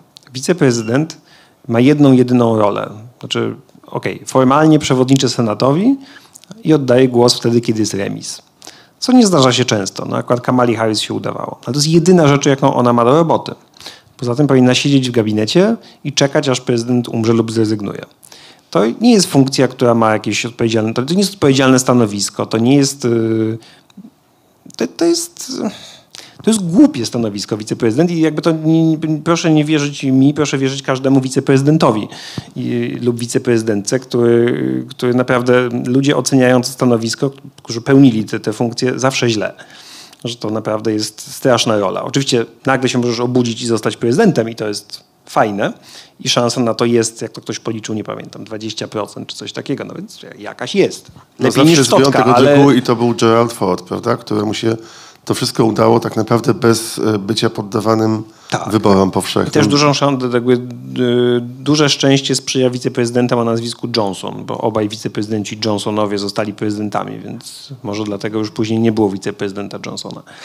Ale, ale faktycznie y, z tą Kamalą jest tak, no, że ona jest źle oceniana, ale co ona tak naprawdę zrobiła? No nic nie zrobiła, bo ona nie może nic zrobić. Jakby jej rolą jest y, jeździć, otwierać y, fabryki, przemawiać na uroczystościach, pogrzebach i tak dalej, no bo taka jest rola wiceprezydenta. Y, No ale nie da się ukryć, jest oceniana źle. Na ile jest w tym seksizmu? Myślę, że sporo. Na ile jest w tym y, jakiegoś rasizmu? Też myślę, że trochę. E, Ale mm, na pewno byłaby jedną z tych osób, która wzięłaby udział w tych prawyborach i, i jako niejako naturalna spadkobierczyni Bidena, ale no, nie stawiałbym pewnie na nią w tej, w tej, z tej listy potencjalnych kandydatów A na i kogo? kandydatek. No, mówi się, że gubernator Kalifornii, Gavin Newsom, chciałby być prezydentem. Znaczy, wszyscy widzą, widzą już, ale ja tu nie wierzę w to, że polityk z Kalifornii, to też jest jakby przytyk do Kamali Harris, miałby szansę w całym kraju, no bo... No, Ronald Reagan miał akurat. A to były zupełnie inne czasy. Wtedy Kalifornia była stanem y, takim wahającym się, a nawet bardziej republikańskim. Y, Wiesz, no i Reagan i, i, i Nixon to byli prezydenci z, z Kalifornii i Hoover, było trzech republikańskich prezydentów z Kalifornii, ale to inne czasy. Więc w to nie wierzę. No ale są takie, trzeba pewnie szukać kogoś, kto jest y, ze stanu takiego wahającego się y, i który odnosi tam sukcesy lepsze niż większość demokratów. No czyli powiedziałbym gubernatorka Michigan Gretchen Whitmer to jest jakby jedna osoba i teraz wydaje mi się, że ten gubernator Kentucky, który zdobył mm, reelekcję, Andy Beshear, który w republikańskim stanie Kentucky zdobył naprawdę niezły wynik uzyskując reelekcję. E, No to, to jakby to trzeba docenić, że jesteś demokratycznym gubernatorem i to nie jakimś takim demokratą, co to em, no tak, tak, no jestem demokratą, ale właściwie moje poglądy są republikańskie. Nie, no o dość e, progresywnych w wielu sprawach poglądach, który był w stanie przekonać do siebie wyborców w Kentucky. Więc myślę, że to są takie osoby, ale ich rozpoznawalność na scenie międzynarodowej, znaczy ogólnokrajowej jest niska na razie. No ale to trochę po to się robi kampanię, która trwa rok, żeby wszyscy o tobie zdążyli usłyszeć. No A teraz- jeszcze jedno powiem, jak mówisz, że stary jest Joe Biden, stary jest y, Trump, to wszystko prawda i ludzie narzekają na to, że stare dziady rządzą amerykańską polityką i że gerontokracja i to jest prawda. Też mieliśmy o tym odcinek, ale, mm, ale równocześnie jak pytasz, kto jest ulubionym kandydatem młodych, no to kto jest ulubionym kandydatem młodych? Bernie Sanders, no, który też, umówmy się, nie jest y, młodziakiem. No. To teraz będzie e, łyżka dziegciu. Myślę, że tu Łukasz się ze mną zgodzi. Piotr jako osoba niebywale inteligentna ma ogromny potencjał mm, braku wiary w siebie. Kiedy się ukazywał rozkład i rozmawialiśmy, to narzekał, że na pewno nikt tej książki nie kupi. Potem, no niestety, był dodruk. Ale to nie jest moja wina, to tak wyda, wydawca, tak, wydaw, oczywiście. wydawca oczywiście. też nie do Wydali końca trzy wierzył. książki, żeby potem mógł być Wydawca dodruk. też nie do końca wierzył w tę książkę. E, też tam pamiętam, że na Facebooku pisałeś, że nie wiadomo, czy jest sens robić ten podcast. Okazał się ogromnym sukcesem. Mówię o tym dlatego, że się zastanawiam, czy e, w Ameryce się odbywają takie dyskusje o polskiej polityce, jak my tutaj sobie rozmawiamy. Jest pol, y, Polish Jest Podcast. Polish Podcast. Nie wiem, ale to jest dobry pomysł na franczyzę. Powinniśmy znaleźć kogoś albo sami ruszyć z takim podcastem. Nie? Na, Pytam o wiesz, to wiesz, to jest duży kraj, więc tam jakby myślę, że nawet jeśli byłby tym zainteresowany jakiś promil, promila, to to i tak przy tej skali sporo, nie? Myślę o tym dlatego, że też, że w sumie no nie ma chyba drugiego kraju, którego polityka wewnętrzna i zewnętrzna tak by pasjonowała innych. Może Rosja, ale z zupełnie innych powodów. E, Brytyjska polityka jest ciekawa, No, francuska, bardzo. no, no właśnie, więc y, i, tym się interesujemy, no, ale też myślę, że interesujemy się amerykańską polityką. Nie mówię teraz my z Łukaszem, tylko my, tak jak tu siedzimy, czy ten, że no, że to jest polityka, która na nas wpływa, no bo nie da się ukryć, że y, to, co się dzieje w Stanach ma przemożny wpływ na resztę świata i nie mówię tylko o polityce zagranicznej, ale o tych wszystkich zjawiskach, które się y, dzieją w Stanach, one y, mniej lub bardziej wpływają na to, jak wygląda polityka w innych krajach. No i jakby te przetrwanie demokracji w Stanach Zjednoczonych jest w żywotnym interesie wszystkich. Mm, I no co, no, w związku z tym jasne, że się tym interesujemy. A jakie są szanse, że demokracja w Ameryce nie przetrwa? I co jest największym zagrożeniem? No nie powiem ci, jakby, jakie są szanse procentowo, ale, y, ale tak. No, dzisiaj mieliśmy rozmowę z reżyserem Against All Enemies i zadaliśmy mu takie pytanie y, trochę, żeby, jakby, żeby sobie pomóc. No bo kiedy my mówimy z Łukaszem, że, że to wszystko źle wygląda i ta trajektoria jest jednak taka no, pikująca i że to jakby wszystko zmierza ku katastrofie raczej To już nawet nie jest schodzące, tylko pikujące, prawda? to, to, to jebnie, tak jak y, używamy tej, tej, tego skrzydlatego słowa, no to, y, to bardzo często słyszymy, że to jest bzdura, że przesadzamy, że histeryzujemy, że panikarstwo i tak dalej, bo przecież to jest niemożliwe, bo, bo Stany Zjednoczone, bo Ronald Reagan, bo Abraham Lincoln, bo konstytucja, bo wiecie tam Mount Rushmore. No ale... Y, ale okej, no może dwóch typków z Polski nie wie, ale zadaliśmy to pytanie Sadofowi, który jednak się tym, y, y, czyli reżyserowi, który na- nakręcił film o, mm, o zagrożeniu, jakim są amerykańscy weterani wstępujący do prawicowych bojówek. Y, No i on się z tym zgadza i, jakby, i takich głosów jest dużo. Ostatnio więcej nawet, powstało kilka książek na ten temat o tym, czy jest możliwa kolejna wojna domowa w Stanach Zjednoczonych. Y, Wielu Amerykanów obawia się wojny domowej. Jakby ten temat jest obecny i oczywiście jest też tak, że jak się o tym mówi, no to wiesz, trochę możesz nakręcać tę atmosferę i faktycznie przyczynić się do tego, że jak wszyscy, jak już mówisz, że będzie wojna domowa, to wszyscy w to uwierzą. Ale myślę, że to trochę przeceniamy możliwość czegoś takiego. Natomiast problem jest realny, zajmują się nim sami Amerykanie. E, My też o tym mówimy, w związku z tym, okej, no może my jesteśmy panikarzami, ale czy wszyscy ci ludzie są panikarzami? Czy generał Stanley McChrystal, który występował w tym e, filmie dokumentalnym, czyli e, wysoki bardzo rangą dowódca amerykański, emerytowany już, e, kiedy on mówi, że to się może skończyć wojną domową, no to to, to może coś wie. No, jakby to, to, to ja uważam, że jeśli coś się nie zmieni zasadniczo, to trajektoria jest dość jasna. No. Czy coś się dzieje dobrego No niestety nie. Sama wygrana Bidena i powstrzymanie Trumpa przed drugą kadencją, przynajmniej na 4 lata, to nie jest jeszcze zmiana trajektorii. To jest, nie wiem, spowolnienie trochę tego upadku, no ale to trzeba by dokonać naprawdę gruntownych reform. Przede wszystkim reform instytucjonalnych, które zmieniłyby kształt Senatu, sposób wyboru prezydenta i tak dalej, i tak dalej. No ale nikt na to nie jest gotów. Podoba mi się ta narracja, kiedy mówisz, Amerykanie o tym rozmawiają i my o tym mówimy.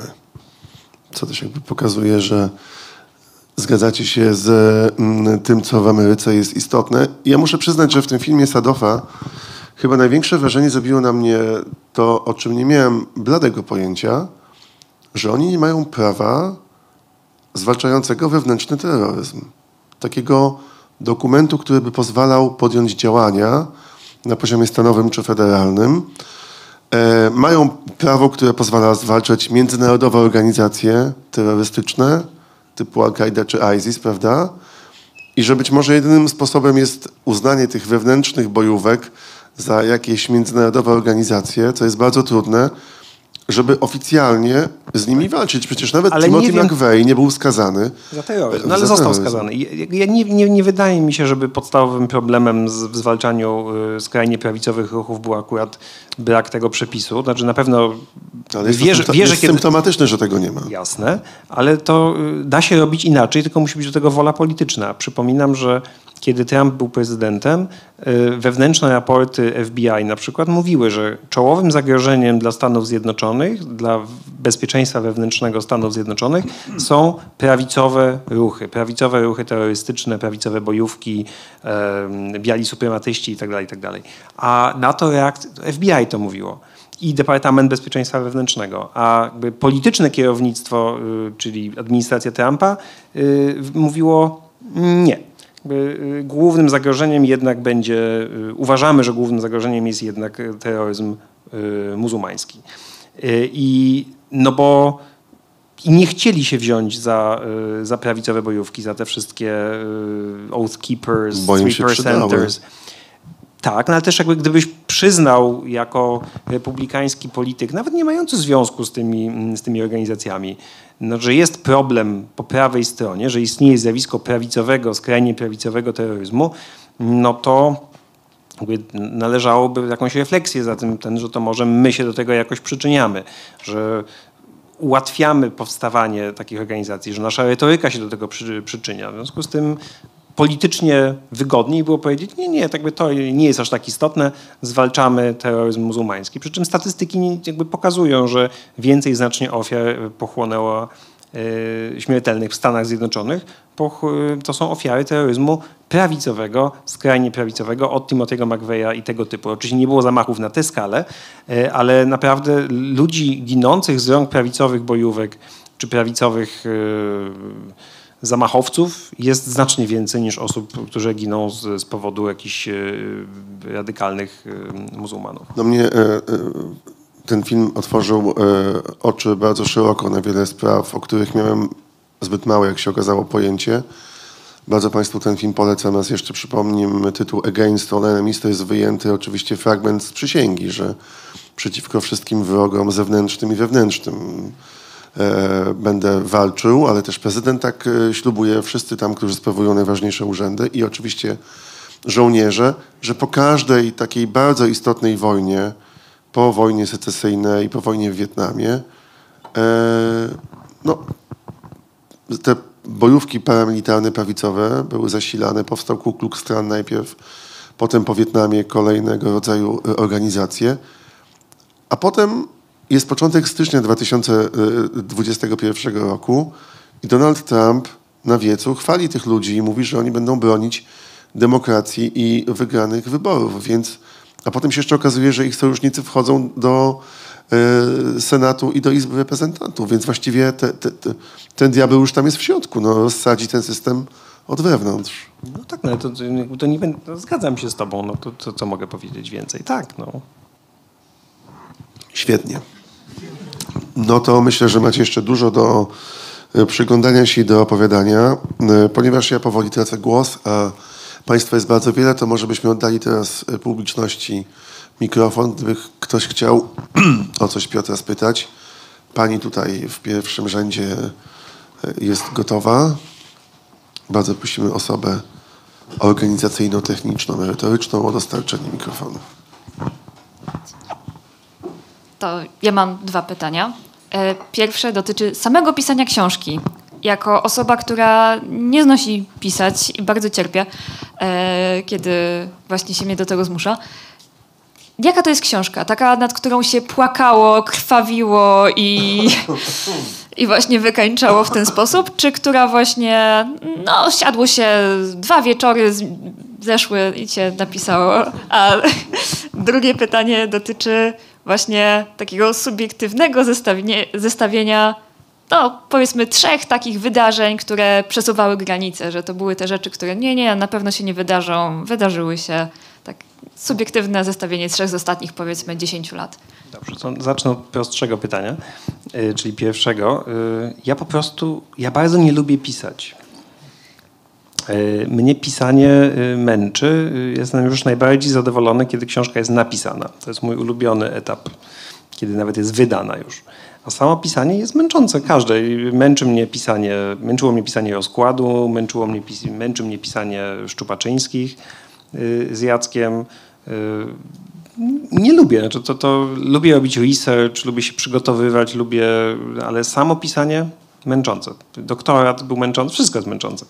No więc y, nie płakałem, ale no, przyjemności w, w tym nie znajduję. Jakby cieszę się z efektu, ale pisanie to jest y, ciężka praca. To może zawsze warto powtarzać, że pisanie to nie jest y, pisanie czegokolwiek, moim zdaniem. To nie jest tak, że jest jakaś wena, że człowiek siada i y, po prostu muza unosi jego palce i sam, to się samo pisze. Nic się samo nie pisze. Pisanie to jest ciężka robota, na dupie trzeba siedzieć, siadać do pracy i pisać ileś godzin dziennie. I tak jest ze wszystkim i mam wrażenie, że każdy pisarz czy pisarka to, to Państwu powiedzą, że tak wygląda pisanie. Proszę nie wierzyć we wszystkie opowieści o tym, że coś się samo pisze, że jest jakieś natchnienie. Nie ma czegoś takiego jak natchnienie. Jest, y, jest motywacja, jest, y, jest dyscyplina, Yy, tak, jest kochający mąż, który wspiera i nie pozwala przestać. No jakby, no tak, yy, odrzucić tego w cholerę. Tak wygląda pisanie. I tak samo było z tą książką. Pisałem ją pewnie pół roku yy, takiego pisania, no ale potem dochodzi etap redakcji, yy, jeszcze jednej redakcji, i korekty i tego i tamtego. No i to trwa bardzo długo. A teraz, Boże, trzy wydarzenia, które przesuwały granice, że nie jest coś możliwe. No, y, no na pewno 6 stycznia, znaczy to, że prezydent Stanów Zjednoczonych wzywa do y, zbrojnego ataku na, na Kapitol, czy na siedzibę władzy ustawodawczej. To z całą pewnością. Boże. Nie wiem, naprawdę uważam, że to jest jakby kluczowe wydarzenie XXI wieku, póki co w historii Stanów Zjednoczonych. A jak dwa inne sobie przypomnę, to, to do tego wrócę. No w takim sensie, że tak, to jest, jakby to jest złamanie jakiegoś z, z, obyczaju, no nie? Takiego, że takich rzeczy się nie robiło. Ale potem te rzeczy nastąpiły dalej, to znaczy to, co się wydarzyło z nominacją Paul Bader Ginsburg. Tak, no bo sędzia długo, ale y, republikanie ukradli miejsce w Sądzie Najwyższym. To znaczy Obama miał prawo nominować swojego kandydata miejsce zwolnione po śmierci republikańskiego sędziego Scalii, a y, republikanie w Senacie to miejsce ukradli, co znaczy, y, co to znaczy? Po prostu powiedzieli, on wskazał kandydata, a republikanie powiedzieli, nie będziemy nad nim głosować. Nie odrzucili tej kandydatury, co mogliby zrobić, gdyby mieli y, odpowiednią liczbę głosów, ale po prostu zatrzymali ją. Ona jest zgłoszona, a my z tym nic nie robimy. Trochę jak nominacje profesorskie w Polsce, no nie? Że tam mam- mamy takie przypadki, że są nominacje profesorskie i No prezydent... Michał Bilewicz. No właśnie, a prezydent nie, nie nominuje. No i jakby no i jest nienominowany i co, i co mi zrobisz? No. I dokładnie to samo wydarzyło się w Sądzie Najwyższym i faktycznie było to złamanie pewnego, yy, pewnego obyczaju i, i potem to już poszło A dalej. niektórych obyczajów prezydent nie łamie, jak wiemy z ostatnich dni. Ja nie chcę gadać o polskiej polityce, więc, yy, więc nie, nie wciągniesz mnie w te tutaj yy, te przeheroty. Nie, nie będziemy tak robić. No to dobrze, to mamy dwa. już mamy trzecie, dwa, jak sobie no. przypomnimy, to jakby, chyba, że to Łukasz. Masz jeszcze jakiś pomysł? To jest trzecie takie absolutnie skandaliczne, że to jest wręcz... Żeby było trochę łatwiznę, ale cała kampania Trumpa, no i jego wypowiedzi, no bo. Wiesz co, Ale jak już tam- weźmiesz, nie, ale jak Nie, weźmiesz, nie słychać Łukasz mówi, że kampania wiesz? Trumpa i wypowiedzi Trumpa. No tak, tylko że też nie jest tak, że takich rzeczy nie mówiono. Nie mówiono ich w takim natężeniu, nie mówiła je jedna osoba, ale y, znowu to też nie jest tak, że Trump zaczął mówić rzeczy, których nikt w ogóle nigdy wcześniej nie powiedział. To się po prostu znajdowało na obrzeżach, jakby to było traktowane jako coś absurdalnego i ten. A, a Trump to wszystko wziął i wydestylował i, i rzucił w eter. Czy tam w Twittera, czy... To mam nadzieję, że to jest ta odpowiedź. Ale też może jeszcze skala e, ciągania byłego prezydenta po sądach i to, że były dwa razy próby impeachmentu i tak dalej, to też, z czego raz już po, po zakończeniu kadencji. To Po prostu szukał czegoś, co się nie łączy z Trumpem. Jakby Zastanawiam się, czy jest jakaś taka rzecz, która w tych sprawach nie ma związku z Trumpem. No ta nominacja po, po sędzim skali niezwiązana jest, ale pośrednio jest też. Jakieś następne pytanie? E, Może teraz ja. Słuchajcie, to jest trochę tak, że jak ja słyszę o, o prezydencie, to cały czas jakby mam takie fajne określenie, które się pojawia gdzieś tam w, w, w okolicach, czyli e, tak zwany prezydent galaktyki. Przyznam, że e, patrząc na to, co się dzieje w, w przypadku Trumpa, czy, czy to, co się dzieje, to, co się dzieje teraz w przypadku Bidena, e, wydaje mi się mimo wszystko, i, i może nie wiem, może ja czegoś nie widzę, ale wydaje mi się, że tak naprawdę, tak jak mówiłeś o tym murze, który no, tutaj był, był dobiony w, i był negowany, a teraz się go nie neguje, ale dalej jest dobiony. Właściwie e, tych zmian, jeżeli chodzi o to, co, e, co, co chodzi e, w, w polityce amerykańskiej, właściwie w jakiś sposób nie ma. To znaczy, no może istotnie, no może jest coś takiego, tak jak te, może te trzy fakty, które pokażą mi, że nie, Biden, e, on jest, on jest inny, on jest zupełnie inny od, od, od, od od, od Trumpa, dla mnie wydaje mi się, że to jest właściwie to samo. To, tak naprawdę Trump tylko e, tym się różnił, że po prostu był taki niedyskretny. A cała reszta właściwie polegała dokładnie na tym samym. No, ale I polega. Znalazł pan jeden przykład, to znaczy polityka migracyjna y, i, i, i z tego pan ekstrapolował i powiedział, że właściwie wszystko jest tak samo. Nie, ta jedna rzecz jest tak samo. Natomiast y, nie ma naprawdę równości między tym, co robi Biden i tym, co robi Trump. I, to jest bardzo wygodnie sobie tak mówić, a to wszystko to jest jedno złe imperium amerykańskie, imperium galaktyki, które po prostu zachowuje się tak samo, tylko jedni to robią pod flagą, y, jedni to faszyści, a drudzy to robią pod tęczową flagą, ale w gruncie rzeczy to jest to samo. No nie jest to samo. Znaczy jedna strona ma poszanowanie dla zasad prawa i dla procesu wyborczego, a druga nie ma. Znaczy, wydaje mi się to znacznie istotniejsze niż, niż ta kwestia migracyjna. No, jakby, nawet jeśli ona jest bardzo istotna. Naprawdę, Partia Republikańska operuje teraz, y, nie uznaje procesu demokratycznego, nie uznaje pokojowego przekazania władzy, nie akceptuje wyniku wyborów. Partia Demokratyczna uznaje. Jeśli Pana zdaniem te rzeczy są właściwie takie same, no mimo wszystko pozwolę się sobie nie zgodzić z, taką, z tak postawioną tezą. Nawet jeśli ona jest wygodna, yy, ale no bo tak pozwala nam powiedzieć, a no to machnąć to wszystko ręką, ale tak nie jest. Znaczy to, yy, nawet jeśli demokraci robią złe rzeczy, są hipokrytami, oczywiście, że są i oczywiście, że robią głupie, złe rzeczy. Jasne, wszyscy robią, ale mm, to nie jest tak, że nie ma jakościowej różnicy między jednymi a drugimi. No bo moim zdaniem y, jest. Znaczy, y, czyli nie podał pan jakiegoś dokładnego przykładu, w którym e, Biden zachował Uzna, się zupełnie... uznawaniu y, procesu demokratycznego, który jest kluczową, kluczowym elementem demokracji, tego rządów prawa. No to, to jest ważny element chyba. Dobrze.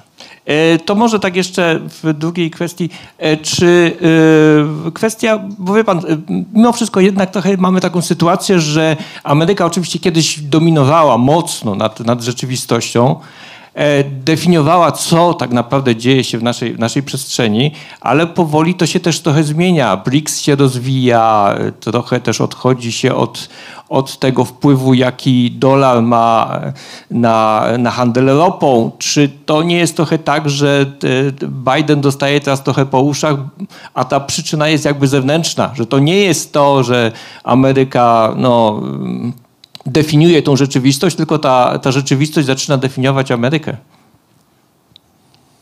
Nie wiem, czy dobrze rozumiem, ale. Mm,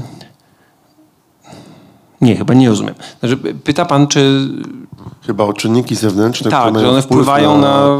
jakby, no, oczywiście, że Biden jakby y, jest więźniem y, zastanej rzeczywistości i tego, co się dzieje wokół. Najlepszy dowód na to, że Biden chciał być prezydentem e, pokoju, który będzie mm, dokonywał takiego zwrotu gospodarczego, w sensie odejścia od reganizmu wreszcie, tego długiego reganizmu w stronę Bidenomiki, tak? czyli pobudzenia inwestycji wewnętrznych, rozbudowa infrastruktury i tak dalej. To jakby to chciał robić, a jego głównym zagrożeniem, y, jego zdaniem w polityce zagranicznej, głównym jego takim tym, to były Chiny.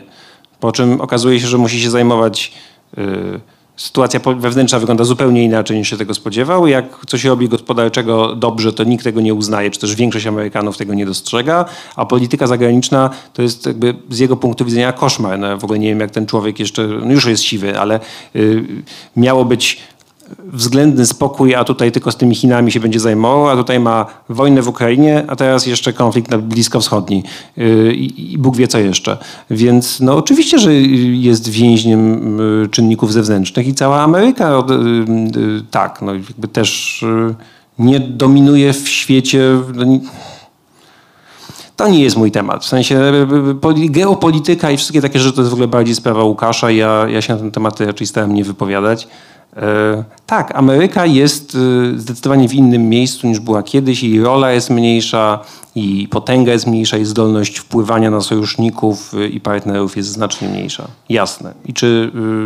no i Biden jest w tym sensie więźniem tego, no, że kiedy on zaczynał swoją karierę polityczną, to pozycja Stanów Zjednoczonych wyglądała inaczej. Jakże on dojrzewał politycznie w innej rzeczywistości niż rzeczywistość, z którą przyszło mu się mierzyć. Ale Kissingera dalej mają. Wracając do Stanów. No ma, tak, no mają, mają Kissingera. No tak, no żyje. No i, ym, ale już akurat Bidenowi nie doradza. Akurat jest, y, Kissinger już narzekał, że to jest pierwszy prezydent, y, który nie prosi, który nie prosi go o radę. Więc y, też należy to może docenić, nie? Miliony osób na całym świecie odetchnęły z ulgą.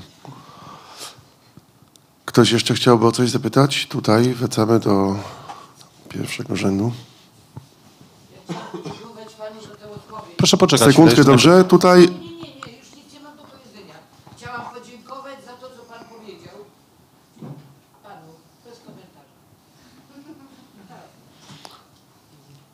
Okej. em, To e, tutaj mówiliśmy dużo o polaryzacji społecznej i politycznej w Stanach, ale e, ja miałem pytanie, czy te procesy polaryzujące, które opisujesz i widzisz e, za oceanem, e, czy one są e, mm, odrębne dla Stanów Zjednoczonych, bo ja podobne procesy widzę też nie tylko w Stanach. Mamy polaryzację, no, u nas ten nasz grajdu, we Francji mamy też, niektórzy to nazywają, czy to jest nieliberalna demokracja, y, albo też kryzys demokracji. W Wielkiej Brytanii był Brexit i Farage, w Niemczech mamy AfD, na Węgrzech mamy Węgry. Y,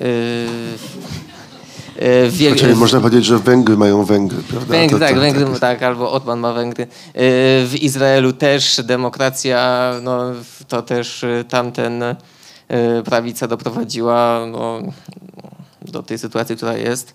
I czy ty widzisz, że to się układa, że, ten, że mamy tutaj dużo mm, paraleli, czy jednak y, y, ta scena amerykańska, tam są procesy tylko i wyłącznie amerykańskie, y, a to się, a każdy z tych y, krajów, jak obserwujesz tak ogólnie, no wiem, że zajmujesz się Stanami Zjednoczonymi, ale czy te wszystkie y, te wszystkie przypadki one się układają, mamy jakieś wspólne mianowniki, czy to jest wszystko osobno i tak się składa? Nie no, oczywiście, że widać podobieństwa, to znaczy już skupiając się na tej polaryzacji, już teraz nie, o, nie mówię o demokracji, no, że kryzys demokracji jest faktem, jakby go obserwujemy w tych wszystkich krajach, o których pan mówił.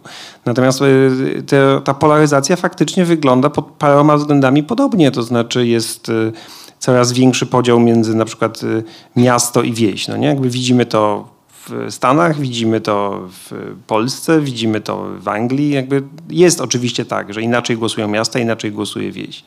Y, Czy też nie miasto, może tak. Y, Podziały generacyjne, tak, pokoleniowe. To jest jakby podobna, podobna kwestia. I Młodzi głosują inaczej niż starzy i ta polaryzacja jest y, też też tutaj widoczna. Inne, to, że w ogóle jakby te, to się zamienia w takie e, to się nazywa super tożsamości, tak? To znaczy, że nie głosujesz na partię konserwatywną, czy głosujesz na partię liberalną, tylko jesteś konserwatystą i jesteś liberałem. To wbrew pozorom bardzo wiele zmienia. To znaczy, kiedy jesteś konserwatystą, to y, kiedy ktoś jest przeciwko konserwatyzmowi, to nie jest przeciwko twojej partii czy twoim poglądom, jest przeciwko tobie, jest zagrożeniem dla ciebie. Y, I to oczywiście może prowadzić w bardzo niebezpieczne rejony. I te rzeczy są podobne i w Stanach, i w innych częściach świata. No w Stanach oczywiście y, to, to nie jest tak, że to powstało i zaczęło się w Stanach, y, co dla wielu Amerykanów może być pewnym zaskoczeniem.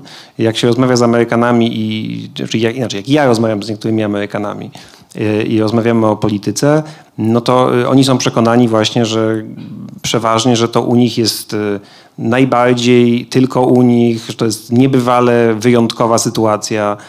A pamiętam takie rozmowy po tym, jak y, ten nieliberalna demokracja, zwrot ku nieliberalnej demokracji zaczął się w Europie, y, Węgry czy Polska, y, a w Stanach jeszcze nie. Mm, I mówiło się, jak to wygląda, no to pamiętam bardzo dobrze takie trochę lekceważące, no tak, no wy jesteście młodymi demokracjami, no, no tak, to u nas takie rzeczy to się nie dzieją i w ogóle. No a potem nagle je Brexit y, i Stany i, i oni są nagle zdziwieni, że jak to jest możliwe, no mówiliśmy wam. I podobne, jakby, podobne problemy były tego przyczyną. Yy, I i to dla Amerykanów jest pewien szok, no, że oni nie są pod tym względem aż tak wyjątkowi. Yy, Więc tak, widzę podobieństwa, ale w Stanach oczywiście są też takie pewnie jeszcze czynniki, które u nas nie występują. No nie? Kwestia rasowa na przykład. Znaczy, to nie jest coś, co polaryzuje u nas yy, w Polsce, aczkolwiek pewnie yy, już w krajach Europy Zachodniej wygląda to pewnie trochę inaczej, ale nie jestem ekspertem, mówię o rzeczach, na których się jakoś tam znam, a nie o rzeczach, o których mogę tylko spekulować. No i my nie mamy drugiej poprawki do Konstytucji, która, Nie, no nie mam. Która pozwala e, posiadać broń. E, ostatnie pytanie, proszę Państwa, i będziemy kończyć. E, Dobry wieczór. Ja pozwolę sobie wrócić do wątku, który był podniesiony w panów dyskusji e, dość przelotnie, mianowicie Polish Podcast, znaczy się e, amerykański odpowiednik podcastu o Polsce. Czy ma pan jakiś pomysł, dlaczego e, polska Polonia w, Polonia w Stanach Zjednoczonych wygląda tak, jak wygląda, czyli że nie jest y, zwa- tak zwartą siłą, jaką mogłaby być i y, czy ma pan opinię, jakąś opinię na ten temat? Bo Włosi potrafią się zorganizować, nie wiem, Latynosi również mają swoje przełożenie polityczne, a Polacy jakoś tak nie bardzo. No chyba, że ja nie mam pełnej wiedzy. Y, I rozmawialiśmy o tym y, na tym spotkaniu naszym podcastowym, y, dobrze mówię, dzisiaj, tak? Bo już mi się mylą te spotkania, bo to jest dzisiaj trzecie, ale rozmawialiśmy o tym dzisiaj, że rzeczywiście Polonia y, amerykańska jest znacznie słabsza politycznie niż powinna być, zważywszy na jej wielkość.